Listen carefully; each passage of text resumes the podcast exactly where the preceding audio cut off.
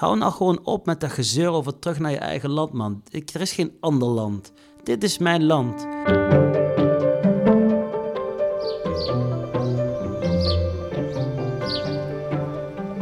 Wat een gezellig pleintje hier, Laurens. Waar ben ik? Dit is uh, Place Jourdain. En dat is op de rand van de Europese wijk.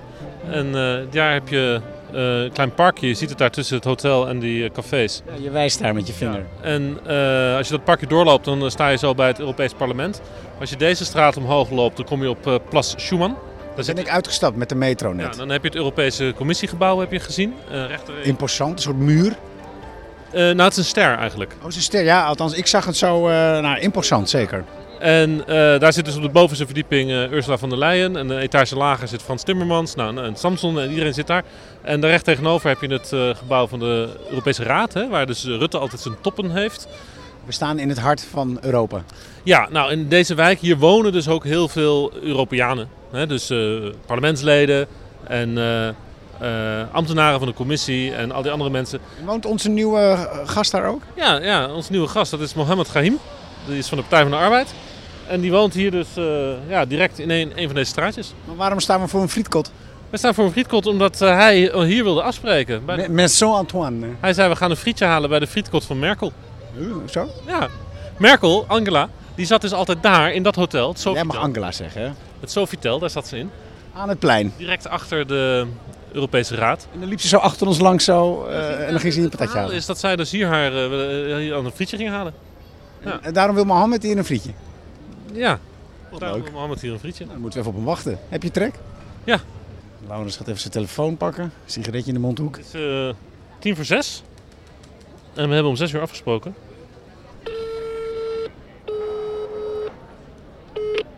Hey Laurens. Hey Mohammed. Wij, wij zijn uh, op het Plas, Plas Jourdain. Ben jij er al in de buurt? Ik zie jullie zo bij het plein.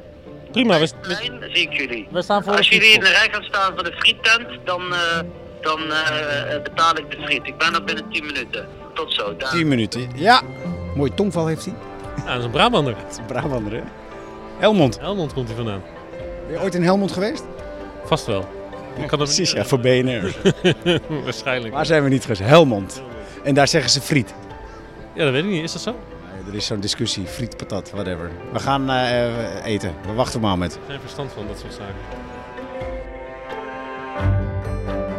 Dit is De Binnenkamer. Goes Brussels. Harmer van der Veen en Laurens Boven gaan op visite bij politici van toen en nu.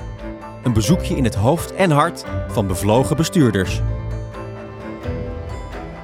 Daar is hij, Laurens. Hij rent. Hij rent, heel goed wit overhemd en hij heeft zo'n zo'n pasje bungelend om zijn nek. Dat is, uh, daaraan herken je de Europeaan, hè? Ja, en ik vind het ook wel heel grappig om te zien. Ik bedoel, er heeft nog nooit een politicus voor mij gerend. Die zijn altijd gewoon zonder commentaar 10 minuten te laat. Hij heeft flink de pas erin. Kijk hem gaan. Breed lachend. Wat een leuke moment. Mohamed! De finish! de finish. Goeiedag. Hoe is het met je? Goed. Heel goed eigenlijk. Een druppeltje zweet ook? nou, het zweet vooral bij mijn oksels en bij mijn buik. waar, waar het goed is om te zweten. Daar wel, ja, ja, ja. Maar goed man, je kwam in volle vaart het park uitgerend. Ja, ik had... Sorry. Kom maar even op adem. mijn afspraken lopen altijd uit. Zoals dat gaat. en ik wil altijd op tijd zijn. Dat is wel een stukje Nederlands in mij. En dan vind ik het vervelend als ik op niet op tijd ben. Dan ga ik maar een stukje rennen. dan moet je tijd inlopen. ja, precies. Er heeft nog nooit een politicus voor mij gerend om op tijd te zijn. Nou, eens moet de eerste keer zijn, hè, Laurens? Zullen we in de rij gaan staan? Ja, we gaan in de rij. We krijgen een frietje van je. Dat vind ik heel aardig. En dat is, dat is, dit is een hele bekende frietzaak hier in, in, in Brussel, hier tegenover. Bij het Sofitel is de plek waar heel vaak uh, staatshoofden overnachten als ze in Brussel moeten zijn. En deze zaak staat bekend om Angela Merkel. Dus we gaan zo meteen friet eten. Het is van dezelfde zaak als Angela Merkel. Dat vind ik wel mooi. Dat vind ik ook mooi. Uh, drie uh, friet. Wat wil je erbij? Big mayonaise? Small one for me, mayonaise. Is one small, too big? No, no, no, de petit. Okay. okay, one big, too small with ja. mayonaise. En een snack? Wat voor snack wil je? Snack? Oh ja, je had het over frikandellen, Ja. Het wordt echt diner. Ja, ze, hebben, ze hebben kroketten. Nou ja, dan moet je een kroket bestellen. Ja, kroket. En uh, wil jij iets? Dan wil ik een frikandelletje. Do, do you have a frikandel and a croquette and something with fish? Emporté. Spreekt u Nederlands, meneer? Wij, wij horen dat dit eh, de snackbar is van eh, Angela Merkel. Die is hier één keer gekomen. Al één keer zit. Maar één keer wel een grote bestelling, toch? Toen waren mijn grote bestellingen. 140 frietjes. Dat eh, weet ik niet meer. Tonio, quand tu as servi Angela Merkel, c'était une grosse commande? Een dertigtal pakjes. 30. Ja. Dan zie je maar weer dat het in de fantasie van mij toch veel groter is geweest. Zoals dat gaat. Zoals dat gaat rekenen- met mythes. Rekenen ze zelf af? Die moet je ook nooit checken eigenlijk. Of was het 140 euro? Een collega was het. Aha. C'est- C'est pas, c'est pas elle qui a payé, hè? Ah, ze heeft zelf afbetaald. Ze heeft zelf Er betaald. was wel iemand dat eerst ging proeven. Maar dit is wel een grappig detail, hè? Dat, dat eh, onze staatshoofden die hebben dus iemand die dan voorproeft. 19,20 euro. En Het is ook nog eens betaalbaar. Ja, 19 euro. voor een hele Een avondmaaltijd. hele avondmaaltijd. Dat doe je toch niet elke dag, mag ik hopen? Eh, nee, zeker niet. Zeker niet. Zijn vaste klant van u? Ik heb, een, ik heb een persoonlijk probleem met de gezichten van de mensen. Ik kijk daar niet naar, dus ik, ik, ik zou hem niet herkennen. Kom je mooi mee weg, eh, man. Zeker, zeker. Daar kom je mooi mee weg. Hij dekt je, hè? Zo, en dan gaan we naar jouw appartement. Gaan we daar even eh, de binnenkamer op starten. Leuk. Dit is jouw voordeur? Ja. Kijk, er staat Shahima op de deur.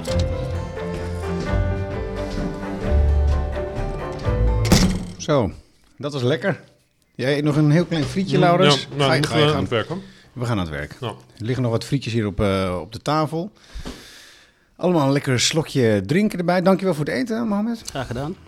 Frikandel zat, eh, zit achter mijn kiezen. Heerlijk. de kroket was ook uitermate Hollands. En hoe was de vis, visvinger? Nee, wat was het? Vis sh- shashlik? Ja, was wel lekker. Was wel oké. Ja. Wel Oké. Goed zo. Nou, je zit, je zit lekker. Ehm, de openingsvraag is altijd voor eh Laurens. Laurens, ga je gang. Ja. Moment, wat was je aan het doen voordat we elkaar net tegenkwamen? Aan het rennen, hier naartoe. Daarvoor. Daarvoor had ik, moest ik nog twee filmpjes opnemen. Eentje voor middelbare scholieren in Maastricht, die morgen een soort van eh, Model of the European Parliament hebben. Een soort van de hele week gaan ze, zijn ze simulaties aan het doen bij het Europees parlementslid spelen. Dus daar heb ik een videootje voor opgenomen. En ik was bezig met een video rondom een intergroep waarin ik zit. Dat is zeg maar zo'n, ja, het is niet een commissie, maar het is een groep wat, eh, van het Europees Parlement rondom klimaat. Waar ik een van de werkgroepen eh leid, de e- circulaire economiewerkgroep. Daar heb ik een kort videootje opgenomen over de afgelopen 2,5 jaar. En welke vond je leuker om te maken? Zeker die voor de jongeren. Ja? Ja, omdat ooit, denk ik, mijn politieke carrière ook begon bij zo'n simulatie. Dat was toen, zeg maar, op weg... Dat, dat twee dingen. Eén op weg naar het lagerhuis. En het andere was het landelijke jeugddebat. Waarbij je eerst voorrondes had in de provincie en daarna in de Tweede Kamer. Daar heb jij mee gedaan, hoor. Daar heb ik toen aan meegedaan. Ik denk dat ik een jaar of 12, 13 zou zijn. Dus was je in de Tweede Kamer in Den Haag? Uiteindelijk was ik in de Tweede Kamer waarbij je een debat mocht voeren met de minister. En sorry, ik kan me niet meer herinneren welke minister het was. oh, net. je, bent, je bent er net voor. Twaalf jaar geleden? Ja, Nou, twaalf jaar geleden. Nee. Nee, nee, wat zijn nou? Toen je twaalf was. Ik denk vier- ja, ongeveer 22 jaar geleden. 22 jaar geleden. Ja, dat is de balk en de tijd. Of Nou, koktijd misschien. Ja, nee, was denk ik, dat durf ik niet te zeggen, sorry. Maar jij, jij liep dus als klein jongetje daar al rond. Ja, Eh, ja, ja, ik denk dat ik 13 was, misschien 14, de exacte datum kan ik achterhalen, maar ik heb die niet, niet paraat. Is het bepalend geweest voor, voor jouw verdere leven dat je daar dat bezoek hebt gebracht? Oh nee, zeker niet. Het was veel minder indrukwekkend dan het op tv eh, eruit zag. Het viel tegen. Het viel tegen. Al die mensen zagen er normaal uit.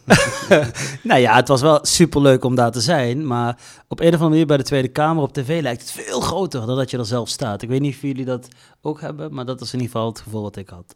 De magie, de magie was er juist uit eigenlijk. Nou ja, nee, want kijk, ik ben al vrij vroeg actief geweest met meedoen aan debatten in mijn gemeente. Zelfs Amst ik ben wel eens in Amsterdam geweest voor debatten rondom integratie en migratie. Eh toen was ik vrij jong, vooral om te luisteren. Af en toe had ik dan ook wel een bijdrage. Eh vond ze wel leuk, zo'n jonge, eh, jonge Marokkaanse Nederlandse jongen uit Helmond met een zachte G. Die dan vertelde dat het, al die debatten ook vrij veroordelend bevestigend zijn geweest. Heb je een uh, kikker in je keel? Ja. Wil je even een slokje nemen? Ja, graag. Ik neem ook even een slokje. Dat is altijd goed. Terwijl Laurens toch nog even lekker doorknabbelt op zijn patatjes. Helemaal niet erg. Ja, dus ik heb- ben heel vroeg zat ik in het circuit van debatten, discussiëren. Wat zeg maar in de jaren negentig vrij normaal was. Maar dat is toch juist wel heel vormend? Ja, nee, dat zeker. Dat bedoel ik meer dan dat debat wat ik heb gehad in de Tweede Kamer. Ik ga nog één slok nemen. Ja. Kunnen we even pauzeren hoor. Nee, is goed. Jij weet zeker? Ik denk het wel. Er zit een frietje in je keel. Er zit een frietje in de keel. Bij mij zat gisteren een, zand, een Sahara-kool in mijn keel. Ja. Ja, het zou je maar gebeuren. Bij mij zit eh, niks in mijn keel. Was jij toen ook daar, ja. naar Den Haag, met Peter Brands? Nee, Pe- niet met Peter Brands. Eh, dat was een apart traject. Eh, maar Peter Brands is natuurlijk een van mijn docenten op de middelbare school. Geschiedenis. Ik heb hem gebeld. Ja, leuk. Ja, en hij vertelde ook inderdaad over, over jouw eh, al vroege, ja, wel, wel, wel interesse in, eh, in, in, eh, Ja. in de wereld. Ik, bedoel, kijk, Peter Brandt, die, dat was net als denk ik, iedereen heeft wel, ik denk dat bijna iedereen zich kan herinneren, een geschiedenisleraar op de middelbare school, die zo mooi verhalend kon vertellen over alle problemen die er waren. En daar luister ik altijd heel fascinerend, daar was ik al toch gefascineerd. En eh, ehm, ja, hij was wel iemand die je probeerde te stimuleren, net iets meer te doen of net iets meer te bereiken. Ja, dan- wat deed hij? Wat deed hij om jou te stimuleren?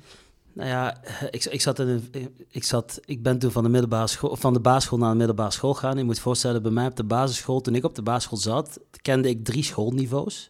Ik kende het IVBO en het VBO, dat zijn allebei voorgangers van het VMBO. En ik kende het MAVO. De nerds bij ons op school gingen naar de MAVO. En dan werd ook nog heel druk door allerlei ouders dat proberen uit hun hoofd te praten, want je moest een vak leren. Dat was veel belangrijker. En ik mocht naar het VWO. Dus ik ging, naar, ik ging kijken in Helmond, waar kon je dan naar het VWO? En dat was op Dr. Klimberg College, daar hadden ze VWO+. Plus. Maar op jouw basisschool was dat vrij abnormaal, dat je, dat, dat je het VWO-niveau aankon, of überhaupt dat het geadviseerd werd. Het kwam niet zoveel voor. En waarom was dat? Ik durf dat niet te zeggen. Is dat iets van de Heijstraat? Nou ja, ik, weet, ik durf dat niet te zeggen, maar dat is in ieder geval hoe ik ben opgegroeid. Ook mijn broers zijn allemaal op één na naar de MAVO gegaan of naar het VBO. Later hebben ze zich wel door kunnen studeren en door kunnen ontwikkelen. Ze zijn sta- klassieke stapelaars. Ik mocht direct naar het VWO. Mijn ouders, voor mijn ouders was het ook wel een verrassing, omdat ik eigenlijk mijn leven bestond uit school, voetbal. En dan ergens honger krijgen, thuis eten en dan gaan slapen. Ik denk, ik heb wel eens in een interview gezegd dat mijn droom nog steeds profvoetballer is. Eh, als er een club is. nee, maar. maar eh, dus ik ging naar het VWO en ik kwam op een- in een vrij witte klas. Ik denk dat ik de enige. eh, ja, ik weet niet of ik het mag gebruiken, maar allochtoon. Toen, zei, toen zeiden ze dat. Ja, toen zeiden ze dat. Ja. En eh, dat was een VWO plus klas. Dus ik kreeg in plaats van Grieks kregen we Spaans, maar wel Latijn. En ik heb wel eerst die paar jaar wel nodig gehad om een beetje mijn plekje te vinden. Eh, en hij heeft wel daar een grote rol in gespeeld om me daarbij te helpen. Ik deed me heel erg stoer voor in de eerste twee jaar. En hij was wel iemand die daar doorheen prikte en daar mij wel enorm kon raken hoor. Want Ja. jij kwam van, ik, ik heb mij een paar dingen laten uitleggen. Jij kwam van de Heijstraat. Ja. Nou, als je in Helmond woont, dan weet iedereen dat dat de buurt is met wat sociale zwakke klassen. Ja, maar het grappige is, dat heb je dus helemaal niet door als je daar woont. Ik bedoel, ik moet eerlijk zeggen, ik, ik, ik had gisteren een gesprek met Fatima Elatik. Ah ja, Die was hier. onze Amsterdamse... En, en toen, toen zei ik van, ik was, wij waren dus helemaal niet bezig met dat wij dus arm waren of hoorden bij die mindere, lagere sociale klasse. Dat kwam, dat, ik werd daar pas mee geconfronteerd toen ik op de middelbare school zat. Want toen werd er tegen me gezegd dat de woning waarin ik woonde was blijkbaar een rijtjeshuis. En dat was dus anders dan de vrijstaande of de twee onder één kappers van mijn, van mijn klasgenoten. Wij hadden arme mensen in de wijk. Wij dachten dat wij het goed hadden, want er waren andere mensen in de wijk die het minder goed hadden. En die werden geholpen door de mensen in de wijk. Dus Helmond is een kanaal en het was altijd van welke kant van het kanaal kom je? Het goede of de slechte kant? Ik had geen, geen idee dat ik dan de slechte kant kwam. Dus toen ik gepest werd op de middelbare school over hoe wij dan leefden. Ik, ik was echt een stoere jongen hoor, dus dat deed me niet veel. Maar toen bedacht ik voor huisjes, rijtjeshuis een andere term. Ik noemde het de zes onder één kapper. Dus eh, ik de zes onder één kapper. Ja, En, nu, en jij? Een mooie term voor funda nu. Al die huizen in Amsterdam die veel te duur zijn. Dat zijn geen rijtjeshuizen, dat zijn 601 kappers. Ja, Ja, en die, en die andere drommels wonen in een 200 kap. het, precies. Op die manier manifesteerde jij je dus in, in, in, die, in die witte klas.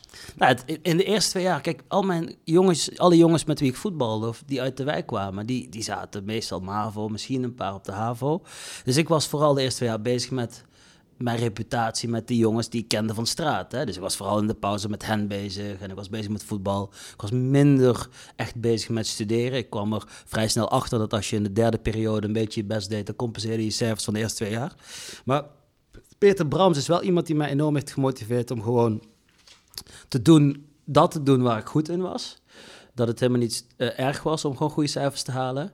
En ik haalde ook heel veel vreugde uit, eh, uit, uit misschien uit het feit dat hij mij zag staan en dat hij mij eh, eh, vertelde dat ik kon zijn wie ik mocht zijn. Dat En hoe belangrijk is dan dat, dat VWO-advies geweest op jouw twaalfde in, in groep 8? Ja, later heb ik zelfs begrepen, ik heb formeel een HAVO-VWO-advies gekregen. Een, een docent bij Maar mij mag helemaal niet groep mee naar het gymnasium. Nou ja, ik ging niet naar het gymnasium, was anders. Maar, dus later heb ik begrepen dat andere docenten op de ba- basisschool vonden dat ik echt naar het VWO moest. Want zij vond eigenlijk dat, dat ik naar de HAVO moest. Ik weet niet waarom. Misschien vond ze dat, dat ik naar de HAVO moest. Maar uiteindelijk heeft mijn CITO-score, omdat ik die in eerste instantie de proefcito eh, heel goed, misschien volgens mij zelfs de beste had gescoord. Dat was een beetje de druppel om te zeggen, oké, we moeten Mohammed dan op zijn minst dan maar of HAVO VWO advies geven. En met mijn, advie- met mijn CITO-score ben ik gewoon naar het VWO gegaan. Kijk, ik ben wel iemand die altijd zichzelf wil uitdagen. Ik begin liever een stapje hoger en ga ik daarna kijken of ik terug moet. eh, dan dat ik laag begin en dan moet groeien. Ja. Uiteindelijk heb ik de VWO wel redelijk makkelijk Maar- kunnen halen. Ja, maar de vraag is, hoe- was hoe vormend of hoe belangrijk eh, moment in jouw leven is dat schooladvies geweest op de, in groep 8? Nee, je komt wel. Kijk, als je naar het VWO gaat, dan heb je natuurlijk ineens andere mensen met wie je omgaat. En andere referentiekaders die je begint te ontwikkelen. Ik denk dat dat wel heel belangrijk is geweest. Zeker. Want er wordt heel vaak gezegd in Nederland dat dat een probleem is, hè? dat VWO, dat, dat, schooladvies in groep 8, omdat het eigenlijk kinderen op hun twaalfde al in een, in een hokje plaatst. Want je bedoel, jij bent dan een VWO-advies gekregen, maar eh, veel van jouw buurjongens uit die tijd niet. Zeker. en zeker. hebben misschien niet uit het leven kunnen halen Dat wat er kunnen. in had gezeten als ze wel. Dat, dat zou kunnen. Kijk, ik, ik, dat is ergens iets wat mij altijd motiveert. En dat is als andere mensen mij onderschatten. Toen ik op, op mijn, in mijn wijk vertelde dat ik het VWO ging, heel stoer tussen het voetballen door.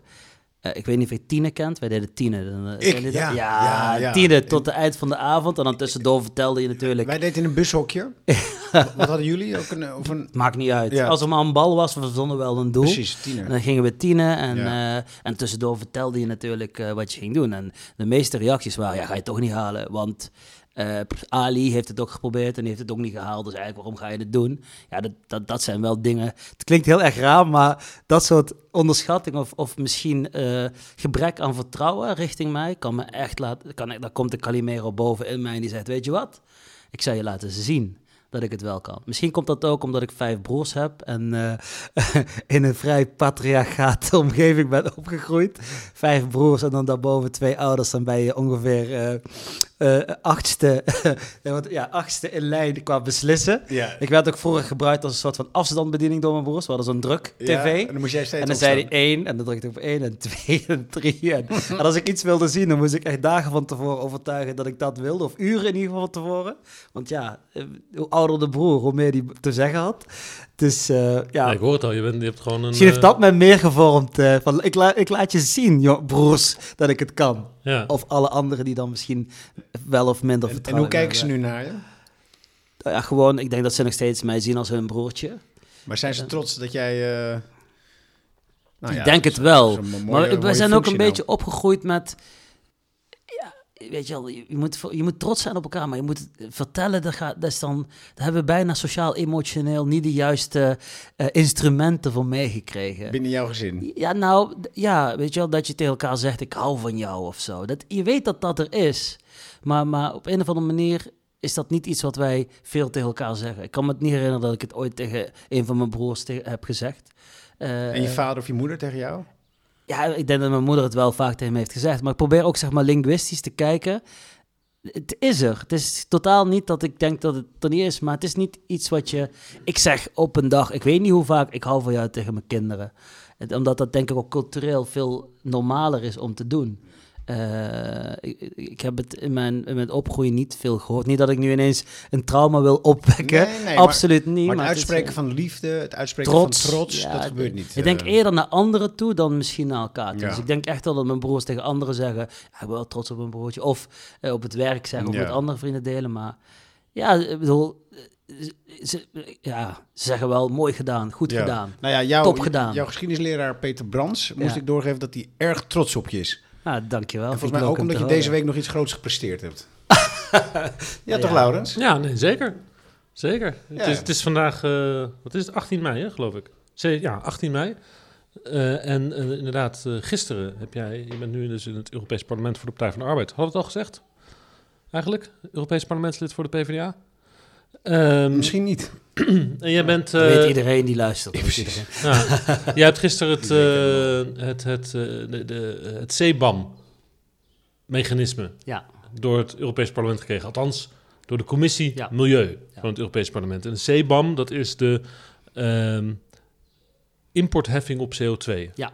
Ja, de gedachte is dus dat bedrijven van buiten de Europese Unie die naar de Europese Unie willen exporteren, over de producten die ze hebben gemaakt, de CO2 die daarbij is vrijgekomen, aan de grens moeten afrekenen. Ja. Omdat je dan, hè, dat doen we in Europa, krijgen we ook al die CO2-heffingen. En dan, dan moeten de, hè, zo beschermen we de Europese industrie tegen de Chinese concurrentie. Ja. hè, dat is het idee. Nou, jij hebt dat ding door, de, door het parlement gekregen. Wat ik heel leuk vond, een tijdje geleden heb ik een keer een verhaal over gemaakt dat jij dit aan het doen was. De, Ja. Jij was de rapporteur, zo heet dat dan. jij bent verantwoordelijk voor die wet in het EP. En het moment waarop jij, nou, doordat bekend werd dat jij die rapporteur zou zijn, ja. explodeerde jouw mailbox, omdat je onmiddellijk elke lobbyist, elke bedrijfslobbyist van Brussel aan je broek had hangen. Ja, ja, ja nee, dat klopt. En ik, ik, ik, vandaag nog in het parlement was ik even met, met eh, twee collega's aan het praten. En toen zag ik al om me heen de lobbyisten een beetje verzamelen. En toen, en toen wilde ik een beetje, eh, ik ben ook wel een beetje een lolbroek. Dus ik, zeg tegen mijn twee collega's, let op, nu ga ik heel snel omdraaien en een paar heel stevige zetten zet, eh, nemen. En dan gaan ze me waarschijnlijk achterna gaan. eh. En inderdaad, ik draaide snel om, zette een paar stevige zetten en ze kwamen naar me toe gerend.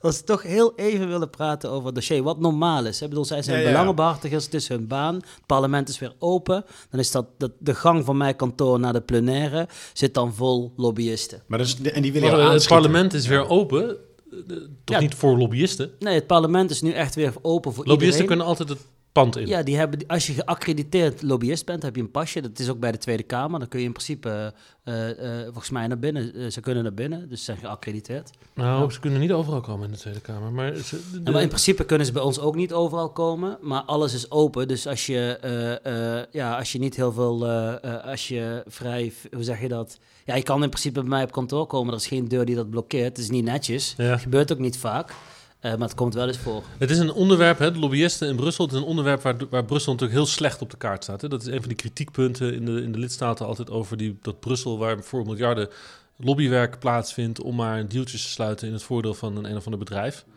Maar jij zegt het heeft ook een functie. Ik bedoel, zoals je nu vertelt, dan stel ik me dat parlement, die hal, daar bijna voor als een soort marktplaats, waar jij doorheen loopt en waar allemaal mannen zitten, vrouwen in pakken. Ja, die staan dingen- daar en vaak ook journalisten. En als ze dan iets willen hebben, zo kan ik het me herinneren voor de coronapandemie. En nu is het ongeveer ook weer zo. En, en kijk, ja, als je dan toch in het parlement bent en je hebt een afspraak en je zit daar bij de befaamde tractorbar. Eh, eh, dat is zeg maar de bar die eh, in het midden van het parlement zit. En je ziet een Europarlementariër, dan is het toch wel makkelijk om hem Maar- even aan te spreken. Waarom maar wel, heet het een tractorband? ja, zo heet het. Ik heb geen idee waarom het zo heet, om eerlijk te zijn. Tractorbanden iets? Nee, nee, nee. Niks? geen idee. Je hebt de Ja. patatbalen in de Het Tweede kan ook zijn dat ik het nu, want ik, haal, die- ik, ik noem het tractorbouw, maar het kan ook net anders heten, maar ik noem het zo. Dus ik hoop, misschien komt er, misschien moeten we dit deel eh, corrigeren. Wel nee. Maar- nee, maar ze zitten daar. Ik vind, Maar jij vindt het niet een probleem? nee, ik vind het een probleem op het moment dat je daar niet transparant over bent. Dus als je kan zien, in mijn rapport staat precies bij wie ik gesproken heb in dat proces tot het tot stand komen van mijn rapport. Als je naar mijn profiel gaat van het Europees Parlement, kun je zien welk gesprek ik heb gevoerd met wie en wat het onderwerp was. Ik bedoel, eh, eh, ik, ik ken de Tweede Kamer ook niet precies, maar ik denk dat dat een behoorlijke transparantie is als ik Ja. dat vergelijk. Jij bent, jij bent heel erg trots op jouw eh, deal die je hebt gesloten over dat CBAM, de koolstofgrensheffing. Ehm, waarom is het zo belangrijk voor jou? Even los van de inhoud van het, van het dossier, want dat, dat snap ik, hè? het gaat over de klimaatwetten en zo, maar waarom ben je er trots op wat er deze week is gebeurd? Ja, ik, ik, weet niet, trots. Kijk, je werkt ergens naartoe en je hebt een bepaalde visie eh, daarop. En het is natuurlijk heel mooi als je het besluit wat het parlement van, van de commissie van gisteren bekijkt en vergelijkt met mijn rapport wat ik geschreven heb in december, net voor de kerst. Mooi kerstcadeau, Mhm. dacht ik. Eh, dan, dan kun je zien dat, dat, dat er niet heel veel verschil tussen zit. Moet ik misschien Ja. voor, de, voor de helderheid even uitleggen hoe wetgeving in Europa Ja, heel werkt? kort, doe maar. Ja? Ja. Eh, de Europese Commissie, dat is de organisatie van Ursula von der Leyen en Frans Timmermans, die maken een wetsvoorstel. En eh, dat is zeg maar wat bij ons dan de regering doet. Dat doet hier de commissie, die maakt een wetsvoorstel en die stuurt een kopietje van het wetsvoorstel naar het Europese parlement. En een ander kopietje gaat naar de raad. En de raad, dat zijn de lidstaten, hè, de ministers en, en uiteindelijk Rutte dus. En, en dan heb je het parlement. En wat er dan gebeurt is dat ehm, eh, uit, eh, in het parlement wordt iemand aangesteld. Dat is dan de rapporteur, dat was dus jij Ja. over CBAM. En het is jouw taak om eigenlijk een eh compromisstandpunt te vinden over dat wetsvoorstel van de commissie binnen de, het parlement. Hoe Nou, zouden dat- wij het willen ander, ver- veranderen? Hoe- ja, en daar moet een meerderheid voor zijn in het Je parlement. zoekt dus de democratische macht, moet je ook zoeken. Ja, dus in eerste instantie schrijf je vanuit ges- gesprekken die je voert met heel veel partijen, ook, ook collega's, schrijf je een eerste rapport, een first draft. En vervolgens ga je daarna met je collega's van alle politieke groepen hebben dan een vertegenwoordiger, die zijn dan je schaduwrapporteurs. Probeer je te komen tot een compromis. En dat compromis hebben wij eh, gisteren in stemming gebracht. En alle compromisvoorstellen die ik, waar ik en mijn team aan hebben gewerkt, zijn er gewoon doorheen gekomen. En dat was, ja, dat was heel mooi. Ja. Datzelfde, dat die compromisvorming vindt ook plaats binnen de Raad, hè, binnen de lidstaten. Dus daar is de voorzitter van, dat is op dit moment Frankrijk, is op dit moment voorzitter van de Europese Unie. Die is verantwoordelijk om een compromisvoorstel te vinden binnen de lidstaten. Nou, die hebben dan allemaal hebben ze hun standpunt. En dan vervolgens gaan het, de, de, de Raad en het parlement gaan met elkaar in discussie. En dat doet dus weer de rapporteur. Dus, dus moment, je zit zo meteen eh, te onderhandelen met een ambassadeur of een minister van Frankrijk of een andere lidstaat. Het kan nog dat we nog een eerste triloog, Ja. noemen we dat. En dan, dan Ja, gaat hebben- het moment, ja. dan kan je even- even uitleggen hoe dat gaat, gaat eigenlijk alinea voor alinea dat hele wetsvoorstel door om op elk punt te zeggen van nou jullie vinden dit, wij vinden dit, waar vinden we elkaar? Oké, dat is dus een belangrijke positie. Ja, Jij Binnen, schrijft die wet in feite dus ja, ook. dat is een belangrijke positie. ja. Als parlementariër, omdat ook niet elke parlementariër komt daar, of wel? Nee, we hebben niet zoveel wetten om 705 mensen te bedienen. Trouwens, ik denk wel dat we zoveel wetten hebben. maar het is een heel complex eh, mechanisme hoe die eh rapporteurschappen worden verdeeld. Ja. En dan ook nog eens binnen je groep. Kijk, ik heb 148 collega's binnen de Sociaaldemocraten in Europa. Ook Ja. daar krijg, heb je dan te maken met, oké, eh, wie is nu aan de beurt en wat zijn de redenen om Ja. die persoon eh, dit dossier te geven? En dit vind jij leuk? Zeker. Ehm, waarom? Het werk hier in het parlement. Nou, waarom vind je dit leuk? Dit, dit, dit, dit specifieke, deze zware klus die je hebt geklaard? Nou ja, kijk, ik, ik, er zijn eigenlijk drie dingen die je nodig hebt om een goed Europarlementariër te zijn. En nu ga ik die dingen noemen en ga ik natuurlijk impliciet beweren dat ik ze ook heb. Dat doe ik even niet. Eén is kennis van zaken. Je moet echt op meer dan ho- hoofdlijnen snappen waar je het over hebt. Echt soms op enorm detailniveau. Want je hebt het over die artikelen in de, in de wet. En je moet dus daarover onderhandelen. Dus als een minister met zijn ploeg zegt... we willen daar 1,2 van maken... dan moet je begrijpen waarom. En waarom moet ik daarin meegaan? Of wat is mijn eh, eh, tegenvoorstel? Kennis. Le- leuke anekdote Ja. hierover. Ik heb wel eens gesproken met een ehm, parlementariër die zowel in de Tweede Kamer als in het Europees Parlement heeft gezeten. Die vertelde mij van, nou, ik, ik, ik kan het me in de Tweede Kamer wel eens permitteren om onvoorbereid een debat in te gaan. Want ik weet wel ongeveer eh, wat het dossier is en wat de minister gaat zeggen, wat mijn collega's vinden. Dat kan je in Brussel niet proberen. Als je hier onvoorbereid in de discussie, dan is jouw politieke carrière eigenlijk onmiddellijk Ja. Ja. voorbij. Ben je af? Ja, Word je niet meer serieus ja, genomen. Ja, en zeker als je rapporteur bent, kan ik je garanderen dat je echt van de hoed en de rand moet weten. En dan ook nog voor welk materiaal die hoed is gemaakt. En heb je het wel eens zien gebeuren dat een, een, ra- een rapporteur eh, het, het, het niet lekker, het, het, het niet helemaal lekker ging? Eh, Nee, de, over het algemeen is de kwaliteit van mensen echt wel goed, want je moet je vinger opsteken Ja. om die positie in te nemen. Oké, maar dat heb iedereen- jij dus niet gedaan. iedereen doet dat. Nee, maar dan Ja. doe je dat. Dan steek je vinger op, sta je in het volle licht. En dan moet je voldoen. En dan moet je geen flater slaan. Ja, zeker. Dus daarom was was het was een spannende dag. Zeker want, heel spannend. want dit gaat ook over, jou, over je functionaliteit en Ja, je reputatie. Ja. De tweede, denk Goed ik, twee. wat heel erg belangrijk is om, om te doen, is ehm, eh, een goed netwerk hebben. Dus mensen moeten al vrij snel weten met wie ze te maken hebben. En dat is voor iemand die nieuw is vrij complex. Want vaak zeggen ze in de Tweede Kamer heb je twee of drie periodes nodig voordat je het werk goed kan doen. Nou ja, ik geloof altijd dat je gewoon vanaf het begin het werk goed moet doen. Je moet niet, het is geen leerschool, hè? je moet gewoon uh, serieus werk kunnen doen, want we hebben maar 29 Europarlementariërs. En het derde, en daar zijn de Nederlanders over het algemeen niet altijd zeer goed in, uh, dat is enorm diplomatiek zijn. In dit parlement is af en toe de directheid van onze Nederlanders soms heel erg fijn, omdat het dan kraakhelder is. Maar niet iedereen begrijpt die directheid. Dus je moet Kan je daar een voorbeeld van geven? Ja, uh, kan ik daar een voorbeeld van geven? Um, uh, nou ja, ik heb wel eens een discussie gezien.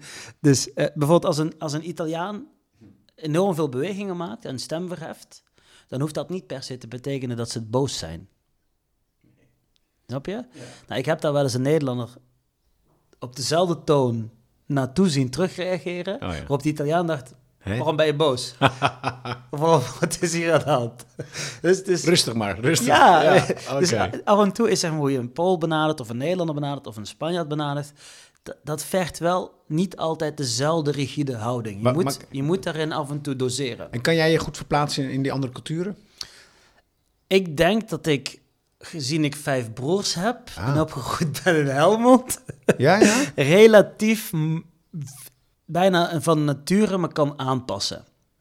Ik denk dat Wat dat heeft wel... Helmond ermee te maken? Nou ja, Helmond is gewoon, uh, bedoel, de, uh, ik bedoel, ik heb ik, ik kan met gewone normale Helmonders heel goed opschieten, maar ik kan ook een goed gesprek voeren met iemand, een hoogleraar aan de universiteit. Ja, want dat jij bent wat je een beetje meekrijgt, zeg maar. Want jij bent gepromoveerd ook. Dus jij, jij bent ook een soort pendeldienst geworden daardoor. Een sociale, je bent sociaal op de ladder geklommen en je kan ook weer gewoon terug. Dat is voor jou, dat, nou ja, voelt, als, dat voelt overal als thuis. Nou ja, voor mij is het niet echt een kwestie van terug. Ik woon nog steeds in dezelfde ja. wijkers waar ik ben opgegroeid. Ja, dus, jij gaat er ook uh, niet uit. Nou, dat weet ik niet. Het is niet, het is niet zo dat ik daar echt uh, nooit weg zal gaan, maar het komt mij nu enorm goed uit. Ja. Ik heb een gezin die daar wonen, de, al hun familieleden uh, zijn in de buurt. Dus dat helpt ook wel als je papa vier dagen in de week niet thuis is. Ja. Dat is ook wat trouwens. Ja. ja hoe oud zijn jouw kinderen? Zijn vier, Snaujan is vier en Leijen is acht. Ach, zo klein.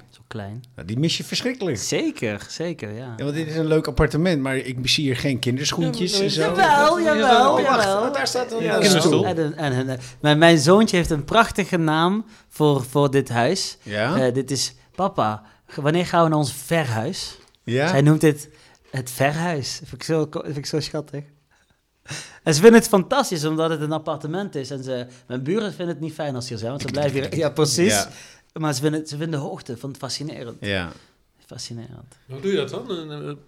Volksvertegenwoordiger zijn in Brussel met een jong gezin in. Dus in dat is heel moeilijk. Ik ga, daar niet, ik ga daar niet zeggen dat het allemaal perfect is in Kokai. Heel moeilijk, niet makkelijk. Uh, ik probeer echt. Maar je vrouw moet nogal een hoop uh, doen dan. Jazeker, uh, ik ben ook haar enorm dankbaar. Hoe hem, uh, dank je wel. nee, maar het is echt ingewikkeld. Want uh, bedoel, zij kan op niemand terugvallen daar. Tegelijkertijd is het wel heel... Uh, ik bedoel, vroeger was het normaal, ja. hè, dat uh, papa gewoon... De, die kwam dan, die sneed zondag het vlees. Ja, dat was vroeger normaal. We, ja. we, benoemen het nu als een probleem, ja. terwijl we zouden het er twintig jaar geleden niet eens over hebben gehad. Ja, maar ik vind het ook belangrijk dat mijn vrouw ook recht heeft op haar eigen carrière. Heeft ze die? Ja. Toch wel? Ja, moeilijk, maar ja. Maar hebben jullie een, een, deal? Dat, dat jij nu uh, de, de, uren maakt hier en zij uh, een beetje inboet? En dat dat misschien een keer omgedraaid wordt? Is dat, is dat, dat zou kunnen. We hebben niet, niet echt een deal hoor. We hebben niet echt een deal. Maar jullie hebben er wel over moeten praten. We hebben er zeker, we praten er nog over. Ja. ik, eh, onderweg hier naartoe belde ze me dat ze problemen had, met, want ze doet aan de avond vierdaagse. Ja. En ze had, zocht eigenlijk iemand om het half over te nemen, want ze, ze voetbalt op woensdag en dat ging niet. En ze kon geen oppas vinden. Dus nee. ja, het gebeurt elke dag. Ja. Wat ook normaal is, uh, maar, maar ja, ik denk wel dat onze relatie gewoon heel sterk is. En uh, ja, ik, ik, oh. ik probeer dat zoveel mogelijk te compenseren, maar het is niet makkelijk. Nee. nee. want als je dan die andere drie dagen thuis bent, dan is de, de, politiek is natuurlijk nooit echt helemaal uit. Nee, niet alleen dat, maar mijn rustdagen zijn bijna de Brusseldagen. Omdat als ik thuis ben, wil ik echt alles doen wat ik kan doen voor mijn kinderen. Ik ben ook op een gegeven moment begonnen met joggen, omdat ik merkte dat ik alleen maar aan het aankomen was. En uh, wil, ik wilde ook echt serieus afvallen. Dat is ook echt goed gelukt. Kan nog wel beter. Ik heb me ook ingeschreven voor de, de marathon van Amsterdam ja. voor oktober. Dus ik heb, uh, wellicht kan ik er nog 15 kilo afknallen. Maar, maar om meer energie te hebben voor thuis. Ik kwam donderdagavond thuis en was ik echt helemaal gesloopt. Ik ben toch wel benieuwd waarom je dit eigenlijk doet. Waarom ik dit doe? Ja. Ja, f- waarom ik dit doe? Omdat ik geloof dat wij vanuit Europa eh, klimaatverandering kunnen aanpakken. Europa is eigenlijk de kleinst mogelijke grootte om serieus beleid te kunnen maken wat effectief eh, ehm, effect kan, wat effect kan hebben op globale schaal. Klein, Dat is- kleinst mogelijke grootte? Wat? ja, dus Europa is groot genoeg Ja. Half maar miljard ook mensen. eigenlijk eh, de, de, politiek gezien een, een, een, een, oké schaal om, om, om, om beleid te maken wat uiteindelijk op globaal niveau effect heeft. Dus wij zijn de op één na grootste consumentenmarkt. Tot voor kort, een jaar of twee geleden, waren we de grootste consumentenmarkt. Dat is een enorme kracht om alle bedrijven die buiten Europa produceren, om die bijvoorbeeld zo'n koolstofgrenscorrectie of koolstofbelasting aan de grens, of hoe je, dat, hoe je het Nederlands ook beta- noemt, om die dan af te dwingen. Ja, maar oké, dat is in, inhoudelijk eh, een belangrijk punt. Maar waarom doe jij het? Waarom Nou, ik vind ben- jij het voor jezelf belangrijk om dit werk te doen? Nou ja, kijk, politiek is ook heel erg veel geluk en het lot. Hè? Ik, heb nooit al, ik heb nooit de gedachte gehad van oké, ik ga naar het Europees Parlement. Eh, dat, is, dat is eigenlijk met wat toevalligheden bij elkaar komen. Uiteindelijk heb ik gesprekken gevoerd met de commissie. Ik had ook niet echt de gedachte dat we zes zetels gingen halen. Laat ik daar eerlijk over zijn. Ja, PvdA had Ja, gewonnen. Dus we hadden gewonnen, dus ik ging meteen hier naartoe. En, stond eh, op welke plek? zes. Oké. Ah, dus Dus jij zes. bent ook echt die, die winnaar, zullen we zeggen. Ik ben de winnaar. Mohammed mag mee. Ja, maar ik dacht wel vanaf het eerste moment, Oh, dat ik goed. zat wel 14 jaar in de gemeenteraad. En ik denk dat politiek, waar je dat ook doet, relatief vergelijkbaar is. Maar was je eigenlijk gewoon lijstvulling en, en per ongeluk in het parlement? Nou, ik weet niet of ik lijstvulling was. Ik denk niet dat, dat, ik denk dat wij misschien vier zetels had, dachten te halen. Dus een eentje meer dan dat we hadden. We hebben natuurlijk een monsterscore gemaakt met Frans Timmermans. Maar toen ik hier kwam, heb ik wel vanaf dag één gezegd, oké, ik ga knallen. Ik wil, ik wil hier niet backbenchen vijf jaar en daarna heel erg mijn best doen om het vinden van een nieuwe baan. En heb je toen op dat moment, toen die verkiezingen er waren, dat was in 19, dat is drie jaar geleden, toen had je dus je kinderen al. Heb je dat toen ook besproken thuis van jongens, het kan ook wel eens gebeuren dat ik gekozen word. En wat gaan we dan doen? Ja, want ik als econometrist heb ik natuurlijk de laatste eh, verkiezingsuitslagen achter elkaar gezet. En Mhm. een beetje gecorrigeerd voor een aantal eh, eh, peilingen die ik, in, die ik zag. En ik, uit mijn analyse kwamen vijf zetels uit. Dus ik dacht, ik ben de eerste, vol, eerste opvolger. Ja, en Timmermans wordt commissaris, wordt dus dan eh, kom oktober gaat hij weg en dan kom ik een keer. Dan had ik misschien de drie, vier maanden om nog wat dingen te regelen thuis. Maar nee, ik was thuis aan het eten met mijn vrouw. Het was Ramadan. Ik had wat vrienden op bezoek en toen zagen we ineens dat we zes zetels hadden. En dat ik per direct naar Brussel ging. Ik dacht dat ik de week erop al in Brussel zat. En eh, ja, toen dacht ik wel, oké, als ik dit ga doen vanaf het begin, eh, zo, goed mogelijk alles willen lezen. Ik, ik weet nog goed dat ik in de zomer, toen was ik wel net beëdigd, heb ik de landbouw, eh, alle landbouwwetgeving zitten lezen. kan je vertellen, taaie, taaie materie. Omdat ik dacht, ja, de Britten gaan misschien weg. En we hadden een Britse schaduw eh, vanuit S&D erop. Dus als hij weg is, is dit misschien een kans voor mij om zo'n groot dossier te pakken. En zo was ik altijd een beetje voor, voor, vooruitlopend. Ook toen wij bezig waren met de klimaatwet. Koud, heb ik met koud de- EP'er en dan de grootste begroting willen hebben. Nou ja, het, het- nee, maar je, het begint wel met, met die, die, die hand opsteken. En je Ja. moet dan wel inhoudelijk... Kijk, niemand kent me. maar het is nogal een Niemand offer, hè, uiteindelijk. Nu, Het dit. Ik heb, ik, weet je, eh, offer. Ik werkte eerst in Den Haag en zat in de gemeenteraad van Helmond. Dan kan ik je vertellen dat bijna elke avond gevuld was met iets als gemeenteraadslid. Ik durf te beweren dat ik mijn kinderen nu meer zie dan, dat, dan toen ik in de gemeenteraad zat. Want toen was ik er wel, maar was ik er ook eigenlijk niet. Ah. Want ik ging meteen door naar de gemeenteraad. Was meestal na tienen thuis en lagen ze lang in bed. En ik had altijd de trein om 6.30 uur, dus ik was eerder weg. dan dat Oh. Dus je kinderen was eigenlijk ook waren. gewoon weg voor Dus, je eh, kinderen. Ja. ja. Je bent bewuster thuis nu als je Ik ben thuis veel bent. bewuster thuis. Ik probeer veel vaker. Het al- enige wat ik echt moeite mee heb, is dat mensen geen beeld hebben van je werk hier. En als je dan uitgenodigd wordt voor een werkbezoek of iets voor de partij op zaterdag, ja, ja dan probeer ik echt dat, dat uurtje naar het voetbal toe met mijn zoon, vind ik wel heel erg belangrijk. Dus als ik daar iets van, als ik dat moet opofferen voor iets anders, dan probeer ik vaak wel begrip. Want je wil nee, geen nee zeggen, maar je wil begrip hebben voor de situatie waarin je zit. En dat, dat is niet altijd begrip voor. Nee, dat, vind ik wel, dat vind ik af en toe Ja. wel jammer. Ja, maar ja, oké. Ja. Maar dan, Zij, ze willen ook jou hebben op hun afdelingsvergadering of Ja, op een tuurlijk. andere bijeenkomst. Dus ik snap dat ook wel. ook de achterban. hè? Zeker, zeker. En ik krijg daar Ja. ook heel veel energie van. Maar ik vind het wel teleurstellend als dat tegen mijn zoontje moet zeggen.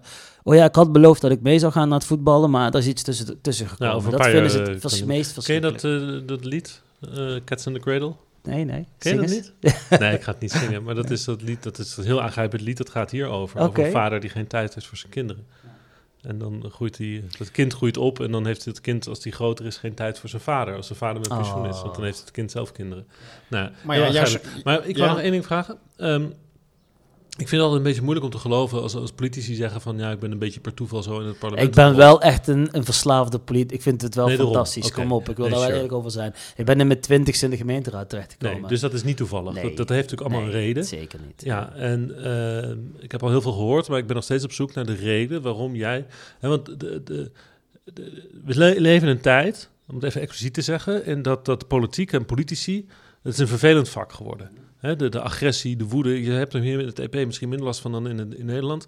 V- zeker tegenover vrouwen is het natuurlijk heel erg eh, gewelddadig, maar iedereen wantrouwen, haat, nijd eh, en al die dingen. En om het dan te willen, dat is natuurlijk wel interessant. Van, van, jij doet dit met al je tijd en je inzet en je ziet je kinderen niet. En ondertussen doe Betaal je je dit. prijs. Ja, waarom ben je dit gaan doen? Nou, kijk, ik heb natuurlijk nadat ik op de universiteit klaar was, ben ik bij, als, bij TNO gaan werken als onderzoeker op het gebied van energietransitie. En ik heb wel zes jaar lang gedacht, jongens, er zijn echt goede stappen die we kunnen nemen. Veel laaghangend fruit, waar we beter van worden, waardoor we echt iets kunnen doen aan klimaatverandering. Onze eh, eh, zuinig omgaan met energie, om, eh, om- omzetten naar duurzame energie. Waarom doen we dit niet? En eh, ik geloof wel dat het, als het gaat om dit debat waar we nu voeren, gaat ook wel een stukje om eh, rechtvaardigheid. Eh, het gaat namelijk niet alleen maar om hoe worden we klimaatneutraal, maar ook het pad daar naartoe. En wie betaalt die rekening? Ik bedoel, ik woon in Helmond en ik moet tegen mijn buren zeggen, met de huidige gasprijzen en de elektriciteitsprijzen, hoe, kan, hoe ik voor hun aan het strijden ben hier. Om ervoor te zorgen dat echt de vervuiler gaat betalen.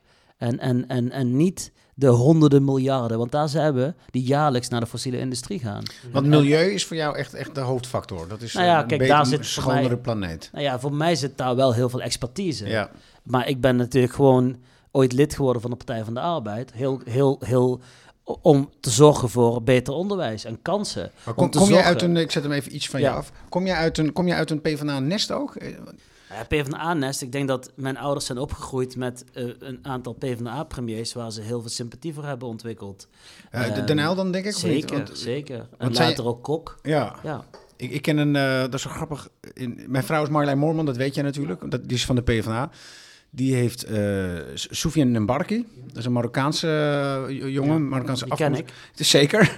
maar die, die heeft volgens mij gezegd. ehm, of, ik weet niet of hij het was, maar dat, de- de- die Marokkanen onder elkaar die zeiden: Wat ga je stemmen? Je moet op die kale stemmen. En dat was dan de Uyl. Ja, nou, Want die zorgt, die, die, die, die, die bekommert zich om ons eh, arbeidsmigranten. ja. Maar is dat, is dat ook jouw. eh, is, is- waren jouw ouders, jouw ouders ook zo geëngageerd in die zin?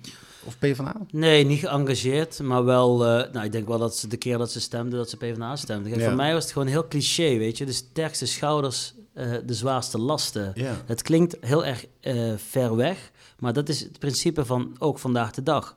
Ehm, ik zie nog steeds dat er maatregelen worden genomen waarvan ik me afvraag. Ja, leuk dat ik een energiekorting heb gekregen in Nederland, maar dat geld kan echt beter gebruikt worden voor mensen die het echt niet kunnen betalen. Ja. En dat zijn wel keuzes die steeds ook Europees worden gemaakt.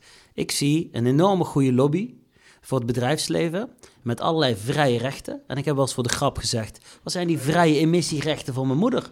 Ik wil dat de CEO van Shell mijn moeder belt en zegt, eh, Mina Meziane, eh, je hebt nog wel, want jij bent heel zuinig met je energie, kan ik één of twee rechten van je overkopen? En dat zij zegt, ja prima, name your price.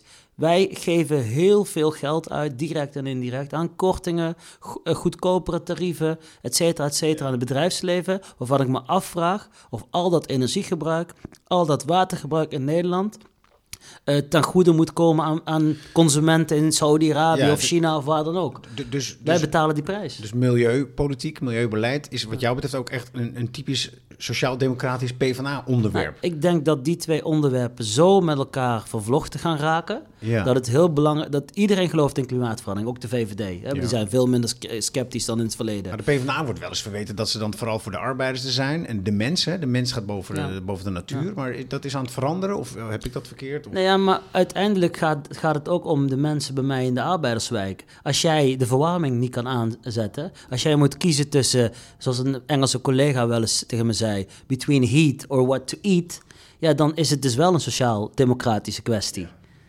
En, en die situatie, die zien we nu echt heel concreet worden met de oorlog in Oekraïne. De prijzen schieten de pan uit. Als jij je contract moet verlengen, krijg je te maken met twee, drie keer de prijs. En ik zie dat bedrijven belachelijke winsten maken ten koste van die mensen. Het is niet allemaal de oorlog van Rusland. En ik zeg, die windful profits, zoals we dat hier noemen in, in, in, in, in Brussel, die mogen echt wel belast worden.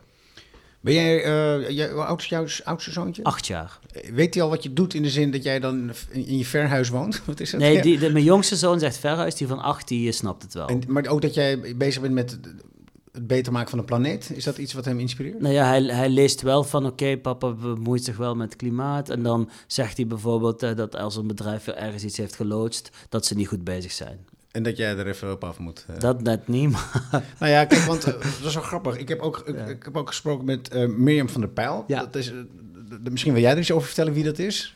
nou, Mirjam is iemand die ik heb geleren kennen in de gemeenteraad van Helmond. Ja.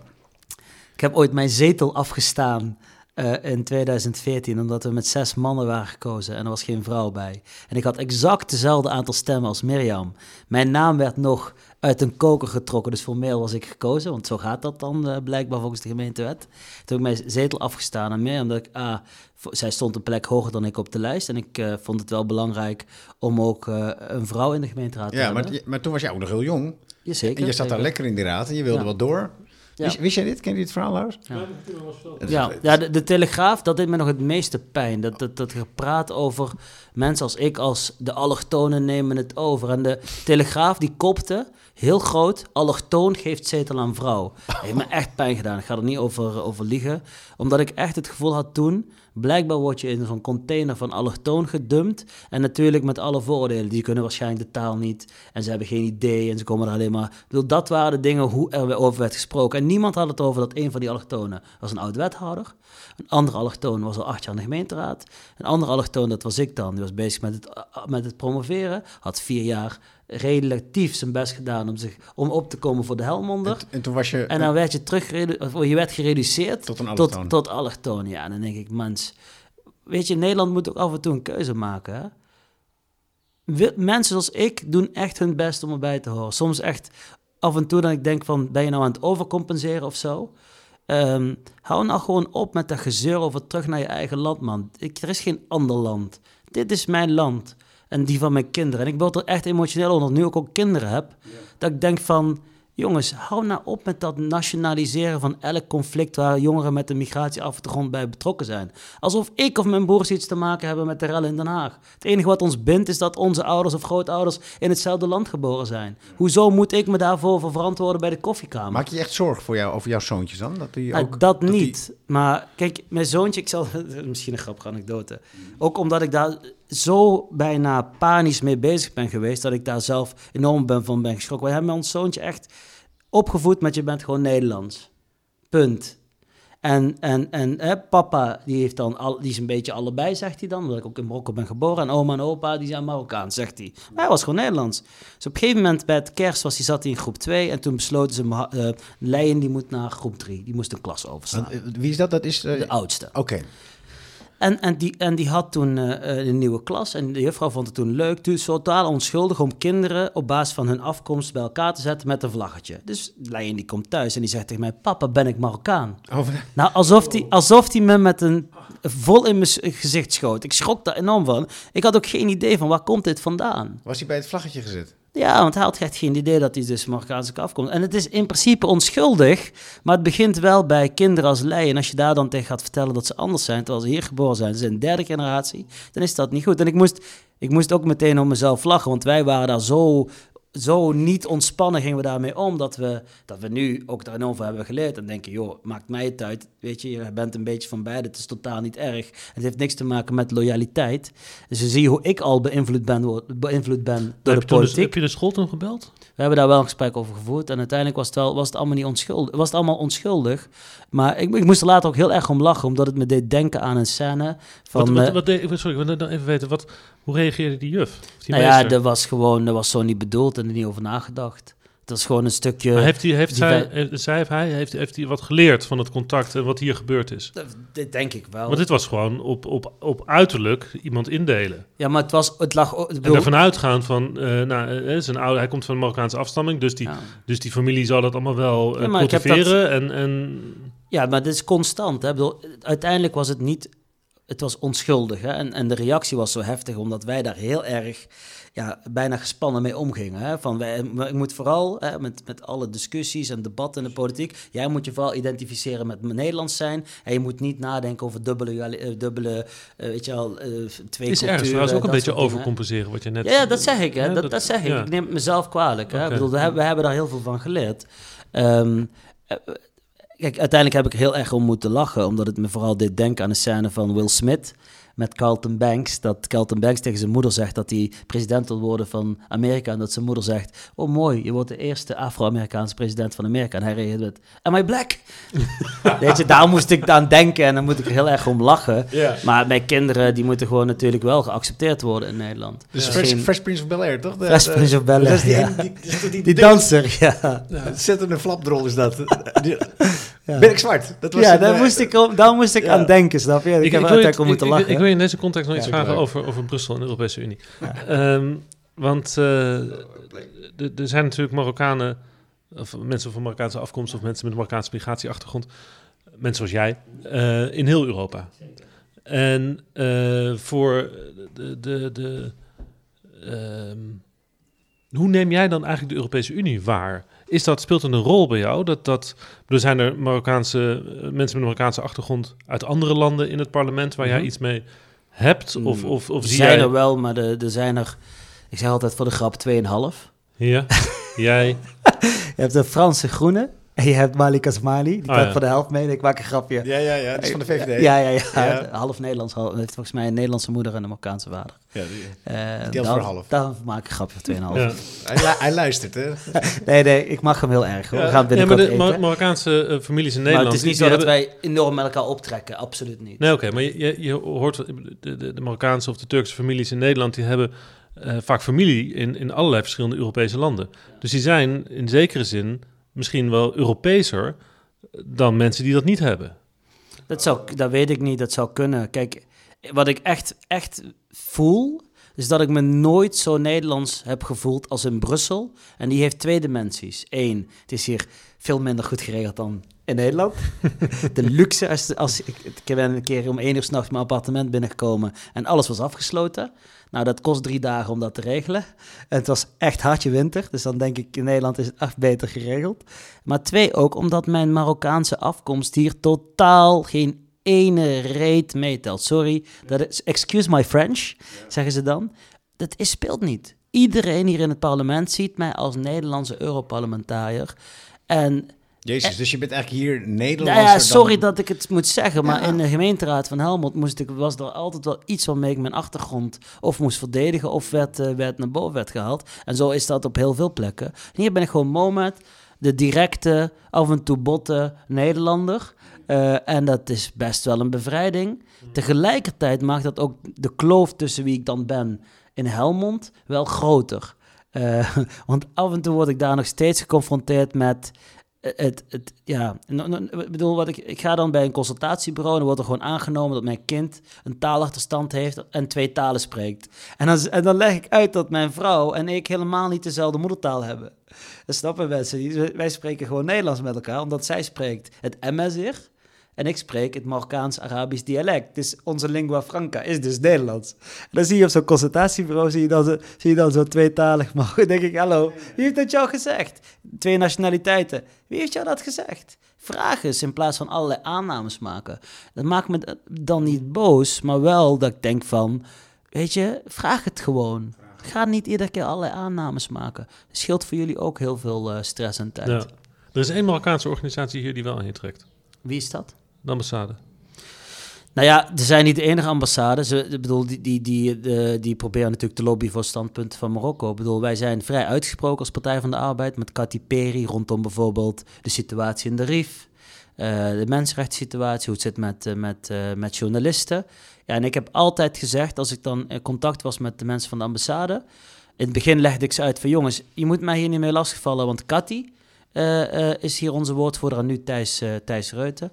En eh eh, dan zei ik altijd, jongens, als je wil weten wat ik vind, dan moet je je ogen dicht doen terwijl je naar Cathy luistert en naar mij denken. Want er is echt geen verschil in standpunt tussen die van haar en die Maar ze van mij. benaderden jou omdat ze een eh, man met een Amerikaanse Ja, achtergrond ik denk dat, dat, dat ik word wel vaker op die manier benaderd. Maar dat betekent niet dat ik daarin meega. Ik vind wel dat je in contact moet blijven met iedereen. Ik ben wel een politicus. Het is belangrijk om met iedereen te blijven praten. Ik ben geen activist. Maar ik probeer de boodschap wel altijd netjes en eerlijk over te brengen. Af en toe iets diplomater dan, Ja. ah, dan anders, maar dat doe ik wel. Maar jij wil verbinden. De verbinden is, is toch niks mis mee? Zeker niet. Ja. Maar daar ben je ook goed in. Ja, ik heb heel veel. Ik heb denk ik genoeg op straat gevochten dat ik denk dat verbinden en vrede eh, eh, eh, hebben met elkaar, dat dat veel beter is en veel minder energie kost. En vechten in de zin dat je op je, op je donder kreeg? Ja, nou of ja, eh, ik bedoel, uitdeelde? eh, Ja, nou, van alles een eh, beetje. Ik was denk ik heel goed in eh, enorm eh, grootspraak, zodat ik zeg maar de ander vooral liet schrikken. eh, dat hij niet het gevecht inging, maar als het dan... Hoe bedoel je? praten? Nou ja, heel stoer doen. De, vooral de, de, de, de, de- net als als een beer op je afkomt, je heel groot voordoen. Ja. En dan hopen dat hij wegrent. Maar als het, ja, het gebeurde wel. Ik bedoel, ja, ik denk dat dat heel normaal is als je opgroeit in de jaren. Ja, ik weet eind niet. jaren 80, begin jaren 90. Heb je gewoon kwart over drie Ja. na schooltijd. En werd er wel, was er wel elke dag wel een vechtpartijtje. Ja, nou ja, ik stond ook te tien. Hè. Ik bedoel, daar kunnen wij de hand schudden. En En misschien- ken je LTS'en? Ken je dat? Nee, Met zo'n klein balletje en dan tussen je benen en dan mocht je zo trappen totdat iemand ergens een paal aanraakt. Ken je ja, dat trappen niet? tegen die bal of tegen iemand? Nee, tegen iemand. Ja, dus dat- als, je, ja. als, je, als je door de benen nee, werd maar, nee, maar ik kom dus uit het gooi. Ah, oké. Dus ik, ik voel... Kijk, nee, maar dan even... Ik, ik ging dus tienen ook. Ja, ja. Maar bij mij was het allemaal niet zo, zo ruw en allemaal zo rauw. Ik bedoel, dat is toch Helmond aan die kant van het, het, kanaal. het valt al, uiteindelijk wel mee, maar... Je, ja, maar wist is jij je- veel? nou ja, ja En ik- precies. ik- en- precies. En, en wist ik veel? ja. En ik vond het helemaal niet erg, want Nee. dat was gewoon... En dan, en eh, over het algemeen wa- wa- was het zo dat kwart over drie bij het, eh, buitenschool ging je dan verzamelen. En er werd natuurlijk vooral gewacht voordat een van de twee ging slaan. En meestal begon de vechtpartij als dan de docent er al was. Want dan wist je ook heel snel dat je uit elkaar werd gehaald. ja, ja, dus ja, meer ja. dan één, eh, één, één, één zeg maar, gooi die vaak mis was. Ja. Dan gebeurde dat ook niet. Nee. Maar je bent wel van verbinden, want dat is iets wat jij graag ehm, doet. Zeker, maar Ja. dat is toch mooi verbinden. Zeker. Zeker. in deze gepolariseerde, niet alleen samenleving, ook multipolaire wereld. Even een politieke term vanuit Europa. Ja, Een beetje verbinding weer met elkaar samen doen. ja. Want zou jij jezelf wel zien als een, een leidend, leidinggevend politicus? Je bent dan, nou, je bent dan volksvertegenwoordiger, al is het Mhm. in Europa dan weer anders dan in de Tweede Kamer. Maar zie jij jezelf ook wel als een leidend politicus in de toekomst? Zou je wel eh, minister of minister-president willen zijn? Het zou wel mooi zijn, hè? Zo Mohammed, Ja. eh, het kabinet. Shahim 1 of Mohammed 1? Wat zullen we doen? R- Shahim 1 is nee, denk ik ja, iets, ik eh, vind Mohammed veel Nee, leuker. Mohammed 1. Moet kijken hoe Geert... eh, nee, maar dat lijkt me echt heel mooi. Zou Geert er nog zijn dan? Nou ja, wie weet, maar stel je voor. Dan is het maar- gewoon Mohammed de Eerste dus eigenlijk. Het eerste. kabinet Mohammed 1. Maar, maar dan moet je dus, stel dat dan weer, dat er dan, maar dat- ik zit opeens te denken, dat zou je wel willen? Zo, nou, nou ja, ik heb wel eens in de- toen ik heel jong was gezegd, ik wil echt wel premier van Nederland worden. Cool. Ik weet niet of ik dat nu hardop moet roepen. Je hebt het net ik weet ook niet of ik dat daarvoor geschikt ben. Ik vind het superleuk wat ik hier doe in Europa. Het gaat ook echt rete goed. Laten we wachten op de stemming in juni. Hoe Ja. oud was je toen, je toen je dat zei?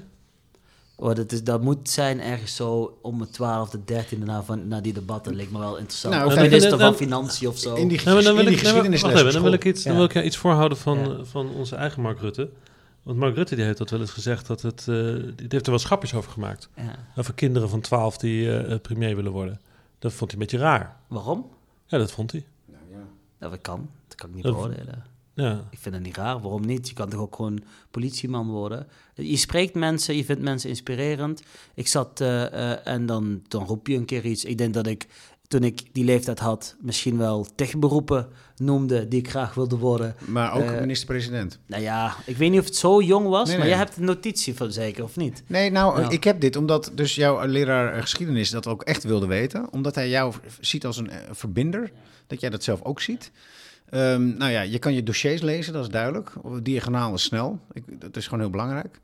Ik maak me alleen zorgen dat als jij dan net running bent en dat er dan een vrouw komt, of je dan weer een stapje naar achter doet. Nee, waarom niet? Nou. bedoel, uiteindelijk geloof ik heel erg in de politiek dat de persoon die, dat, die denkt dat het het beste te kunnen doen en dat je dat met een paar mensen afweegt, dat dat het juiste is. Ik, ik heb één ding hier geleerd in Europa en dat is echt bizar. Er zijn hier mensen die hebben enorm veel ervaring en als zij denken, jij kan de klus beter klaren dan ik, dan stappen ze opzij. Dat was voor mij echt een ja, het bizar. Ik heb dat zelf meegemaakt toen ik dus kans kreeg om vicepresident te worden van de Sociaal-Democratische fractie met de portefeuille Klimaat en Energie. De, mijn voorganger, toen, wij, toen bekend werd dat ik het zou kunnen worden, gaf meteen aan, als hij de kandidaat is, dan Dan. heeft het geen zin dat ik de portefeuille doe, want ik heb heel veel aan hem gehad. En ik denk dat hij de, deze portefeuille beter kan dan ik. Dat vind jij Dat is mooi. iemand die tien jaar minister is geweest. Eh, dat heb ik in Nederland zelden meegemaakt. Dat iemand denkt, die persoon is beter dan ik, dus ik ga een stapje aan de kant eh, opzij zetten. Dat zien we jaar in jaar uit met lijsttrekkersdebatten, Ja. ver- eh, eh, eh, eh, op lokaal niveau, op Maar- regionaal niveau. maar ik dat vond dat echt een verademing. Nou, Ploemen heeft het gedaan, toch? Zeker, zeker. Oh, dat vind ja. Ja. Maar ga jij dan wachten totdat andere mensen echt gaan zien dat je zo eh, goed bent? Nee, ik weet het niet, maar Nee, maar nou ja, ik, ik vul het dan ook Ja. maar in. Of, of, of, of laat je het, of, of, of, of, of, of laat je het meer zien. Nee, maar ik denk dat het probleem hier van Brussel is dat je heel ver weg bent Ja, want je van bent, Nederland, je bent een zeker de beetje Nederlandse onbekend. pers. Ja. Ja, dat is iets wat je, wat je, wat je dus moet gaan ontwikkelen. Dat is niet makkelijk, omdat ik gewoon ja, wel echt, ik weet niet hoeveel uren in de week ben, met al die wetten die we hier maken, soms zo in de bubbel zit dat je vergeet na een succes eh, dat te melden in Nederland. Ja, moet En, je niet eh, vergeten. Je moet, niet, de- je moet je successen claimen en niet die mooie ja, ik ben pirouettes. daar niet zo heel goed. Ik ben daar in deze bubbel heel goed in, Ja. maar buiten de bubbel heel Nou, slecht. je bent een van de weinige EP-kamerleden, parlementsleden, Mm.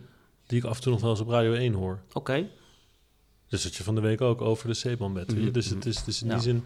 Maar je maar hebt wel tv gelijk. is wel echt een, eh, TV is bijna een stap te ver. Ja, dat gebeurt eigenlijk niet. Nee. Eh, Een podcast niet gelukkig. Podcast niet, nee. Ik heb Nee. dit is mijn tweede vandaag. Wow, oké. Wow. En, hoe- en hoe, hoe bevalt het tot zover? Heel leuk. deze- ik vond vind het echt een hele leuke manier om echt, zeg maar, eh, te, tot ontspannen te komen. Ja, ben je een beetje ontspannen geraakt? Ja, heel erg. Ja. Dus je kan nog ook een hele persoonlijke vraag stellen. Heb jij iets klaar? eh? Is klaar, nee, we houden er wel heel erg van. Ja, kijk, ik heb thuis ook een politicus die heel hard werkt en er soms is terwijl ze er niet is. Of er is en er dan niet is. Ja, maar zo moet ik het zeggen. Ehm, en ehm, nou, ik, ik kan me dan verplaatsen in jouw echtgenoot. Of je kinderen. Ehm, ja, dat dat soms echt, echt heel eh, vervelend is. En dan zit je ook nog fysiek zo ver. Nou ja, het is ook niet zo ver, maar je bent hier wel. Je kan niet even terug of zo. Nou, dat lijkt me gewoon... eh, ik, ik bedoel, nogmaals, leuk appartement. Maar volgens mij ben jij hier ook wel eens gewoon eh, eenzaam. Nee, eenzaam niet. Ik ben niet eenzaam. Nee. nee. Alleen? Ik, ik lees veel. Ik ben altijd wel bezig. Ja. Ik- Tenminste, ik heb nooit het moment gehad om daar in ieder geval over na te denken. Daar heb je te druk voor. Wellicht. En ik heb ook genoeg mensen hier eh, die ik kan dwingen met mij een drankje te doen in de avond. Nee. Medewerkers, nee, nee. nee, maar ik heb wel... De men, er zijn echt heel veel leuke mensen hier. Ik, eh, ik, ik ehm, pool wel eens met collega's of we doen even een drankje of we eten samen. Eh, soms ook met journalisten. Dus je hoeft je echt hier niet te vervelen. Oké. Ehm, maar ja. zonder kinderen, nou ja. nou ja, ik vind, ik mis mijn kinderen wel. Ik bedoel, eh, ja, als ik dan laatst had ik daar wel, had ik ze meegenomen naar de VS en ik moest dan terug voor werk en zij bleven een week langer. En toen moest, hadden ze me gebracht naar de airport en toen moest ik ze wegzwaaien, of uitzwaaien. Toen had ik wel zoiets van, wow. Dat, ik, ineens had ik, was een van de eerste keer dat ik dacht van, wauw, ik laat ze hier alleen en toch een ander land. En ik, ik ga dan weer weer werken, terwijl ik ook gewoon met ze nog een weekje op vakantie had gekund. Dat, dat raakte me wel een beetje. Hm. Eh, Ik zit nog ja. tijd een beetje na te denken over wat je net zei. Over dat mensen hier graag gewoon een stapje opzij doen als iemand anders Nou, niet is. graag, maar ik heb het hier in ieder geval meegemaakt en in Nederland, in Nederland nog nooit persoonlijk meegemaakt. er zijn hier natuurlijk ook heel veel voorbeelden van dat dat eh, niet zo werkt. Er zijn mensen die hier heel lang eh, blijven zitten, langer dan Mugabe. Eh, dat is misschien ook niet goed. Maar ik vond dat enorm verfrissend. Ja. Ik heb dat gesprek toen met, met een Berlusconi, is ook. Berlusconi is ook lid van het EP, hè? Berlusconi is ook lid van het EP. Ik heb hem één keer gezien. Ja. Ik ben wel eens vergeleken met Berlusconi, want ik heb er bijna 100% scoren qua aanwezigheid En hij en nul. stemmen. En hij, het percentage wat ik mis, dat vult hij aan, zeg maar. En ik kan me ook... Ik kan me, Dus hij liep daar en hij zei, is dat die Mohammed eh Gahim? Dat, is niet, Mohammed dat Gahim. niet. En ik, ik liep in de plenaire en, en het was de eerste, eerste week dat we werden, zeg maar, ja, niet eens beëdigd, want er is geen beëdiging. En toen eh, liep ik zo naar beneden, vanuit helemaal boven naar beneden, echt even alles op me laten. eh, en toen stond hij daar. En toen zei hij, maestro. En toen dacht ik, ja, ik, was, ik dacht van, moet ik nou een foto met hem maken of niet? Of wel of niet? Maar nou, het is toch wel een engnek. Eh Het is niet goed voor je reputatie als er iets lekt. Maar ik vond het, eh, ja, het is ook een hele... Ziet er heel oud uit met echt zo'n plastisch, of ja, een plastic, ja, een beetje heel veel make-up. En ik vond het, ja, vond het, heel, vond het best bizar. En daarna nog nooit, of nooit meer gezien. Er is trouwens ook een hele leuke moment van Macron, hè, die jij dus... eh, eh, toen Macron de, de plenaire zaal toesprak. Ja. ja, ik dat filmpje. Mensen moeten even dat filmpje googlen. Want eh, Macron komt, dus hij zat op de eerste rij. Macron komt dan even de, man, de mensen de handen schudden. Nee, ik riep hem. Ik zei van, eh, ik heb een goede vriend die echt fan is van Macron. Mhm. Eh, een eh Marokkaanse Nederlandse eh, jongen die ook een heel lang in Frankrijk heeft gewoond. Het is altijd Macron dit, Macron dat. En, en toen dacht ik, ja, eigenlijk doe ik het nooit. Maar dan dacht ik, weet je wat, ik ga voor hem een selfie maken met Macron. Dus ik zeg in het Frans van eh, minister-president, of meneer pre- minister-president, zou ik een foto met u maken? Een selfie mogen maken? Hij zei, ja, natuurlijk. En dan kwam ze op me af en ik pak mijn telefoon. En er zit een masker op en een gezichtsherkenning. En ik begin al met verkeerde code. En toen nog een keer. Dus ik gaat zo te klungelen met mijn telefoon. En hij komt langs en het lijkt alsof ik hem negeer. En zo net zo'n zwak handje geef. Uiteindelijk had ik... Ja, dat, dat was wat En daar er zijn gebeurde. foto's van. Dat is Dat een een hele filmpje. Dat is een filmpje. filmpje van. En toen is er ook nog door iemand viral, over dat. Ja, geschreven... heel. Dat ik zeg maar hem aan het negeren was en zo. Gamepje of een, eh, via WhatsApp. Te- Terwijl het gewoon, eh, ja... Terwijl je heel echt zo... Je was een... Hij was Kom, kom, kom, kom. eh, iemand had ook gezegd van dat het disrespectful was en Zeker zo. disrespectful. Echt, eh. Ja. So even for a Dutch guy, this was disrespectful, had iemand getweet. Had iemand erop gereageerd, nou, he was zelfs- actually trying to make a, take a picture with, with Macron. Oh, gelukkig. Ja, Ja, dat maakt het goed. Maar dat is wel... dat maakt laat je al een indruk. Nee, maar kijk, ik vind, ik heb maar een paar keer dat ik echt onder indruk ben. En eh, weet je, Angela Merkel is zo'n, eh, als die dan kan spreken. Ja, ik ben een enorm fan. Ik bedoel, dat is zo iemand die echt staat voor bepaalde politiek Ja. en leiderschap toont. Eh, Dat hebben we lang Ja, niet eh, gezien in Nederland. denk ik, EP'ers zijn ook niet eh. zo heel erg gedrild op het controleren van de macht. Hè? Als ik, jou- dat is wel weer een mooi voorbeeld ervan. Dat je Dat weet ik niet imponeren door de, door de leiders. Nee, nee, nee, ik heb dat niet bij heel veel leiders. Maar Angela Merkel is wel echt een leider. Even los van. En ik denk ook veel meer sociaal-democratische politiek heeft bedreven. eh, dan je zou verwachten van een christendemocraat. En dat zag je ook nu met Scholz, die gewoon ja, zo'n beetje eh CDU leegtrekt. Ehm, en, en Macron, ik ben het absoluut niet eens met al zijn politiek, maar het is wel een van de leiders die we echt hebben in Nederland of in Europa. En eh, laten we daar gewoon wel eerlijk over zijn. Ja. Want er wordt wel gezegd over EP'ers dat, ze, dat de Tweede Kamer is natuurlijk een controlerend parlement. En jullie zijn niet echt een controlerend We zijn parlement. een wetgevend tot wetmakend parlement. Maar Andere- controlerend, ik pro- eh, wij, wij, eh, wij, wij hebben echt een budgetcommissie, we hebben een budgetcontrolecommissie. Er wordt, echt, we hebben, er wordt best veel gecontroleerd, bijna geen enkel budget van een instituut.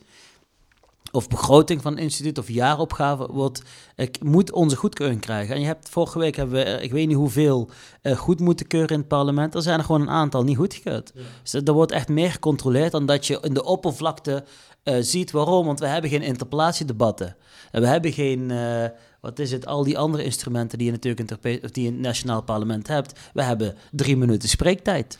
Maar voordat we weer in de Europese technische politiek gaan Ja. Ik moet de trein halen. Yes. En ehm, daarom eh, moeten we gaan afronden, Laurens. Jammer, hè? Dat eigenlijk kan het helemaal niet, hè, mijn podcast. Het is echt zo. Podcasts hebben geen deadlines. Nee, maar ik wil, ik wil naar huis. Ik wil met de trein weer terug naar mijn Ja, heel kinderen. goed. Ja, en ik laat jou weer dan achter, uh, Geen probleem. ook dat kan je wel aan. Laurens, jij blijft dan, hè? Laurens blijft. Ik Heb je, nog, je hebt nog altijd, ik heb een paar afleveringen natuurlijk geluisterd. Eén, jullie vragen me niet, word je, lid van, word je niet vriend van de show? Dat vraag je dan alleen aan bepaalde politici. Dat is al teleurstellend. Je hebt altijd een eindvraag. Die heb je dan ook niet van mij. En je zegt altijd, die Europese politie, die doe je toch een, be- politie doe je een beetje op één na belangrijkste, twee na, drie, vier. Hebben jullie een top 10 of top 20? Ja. Top 29 dan? En waar jij dan staat? van Europese politici.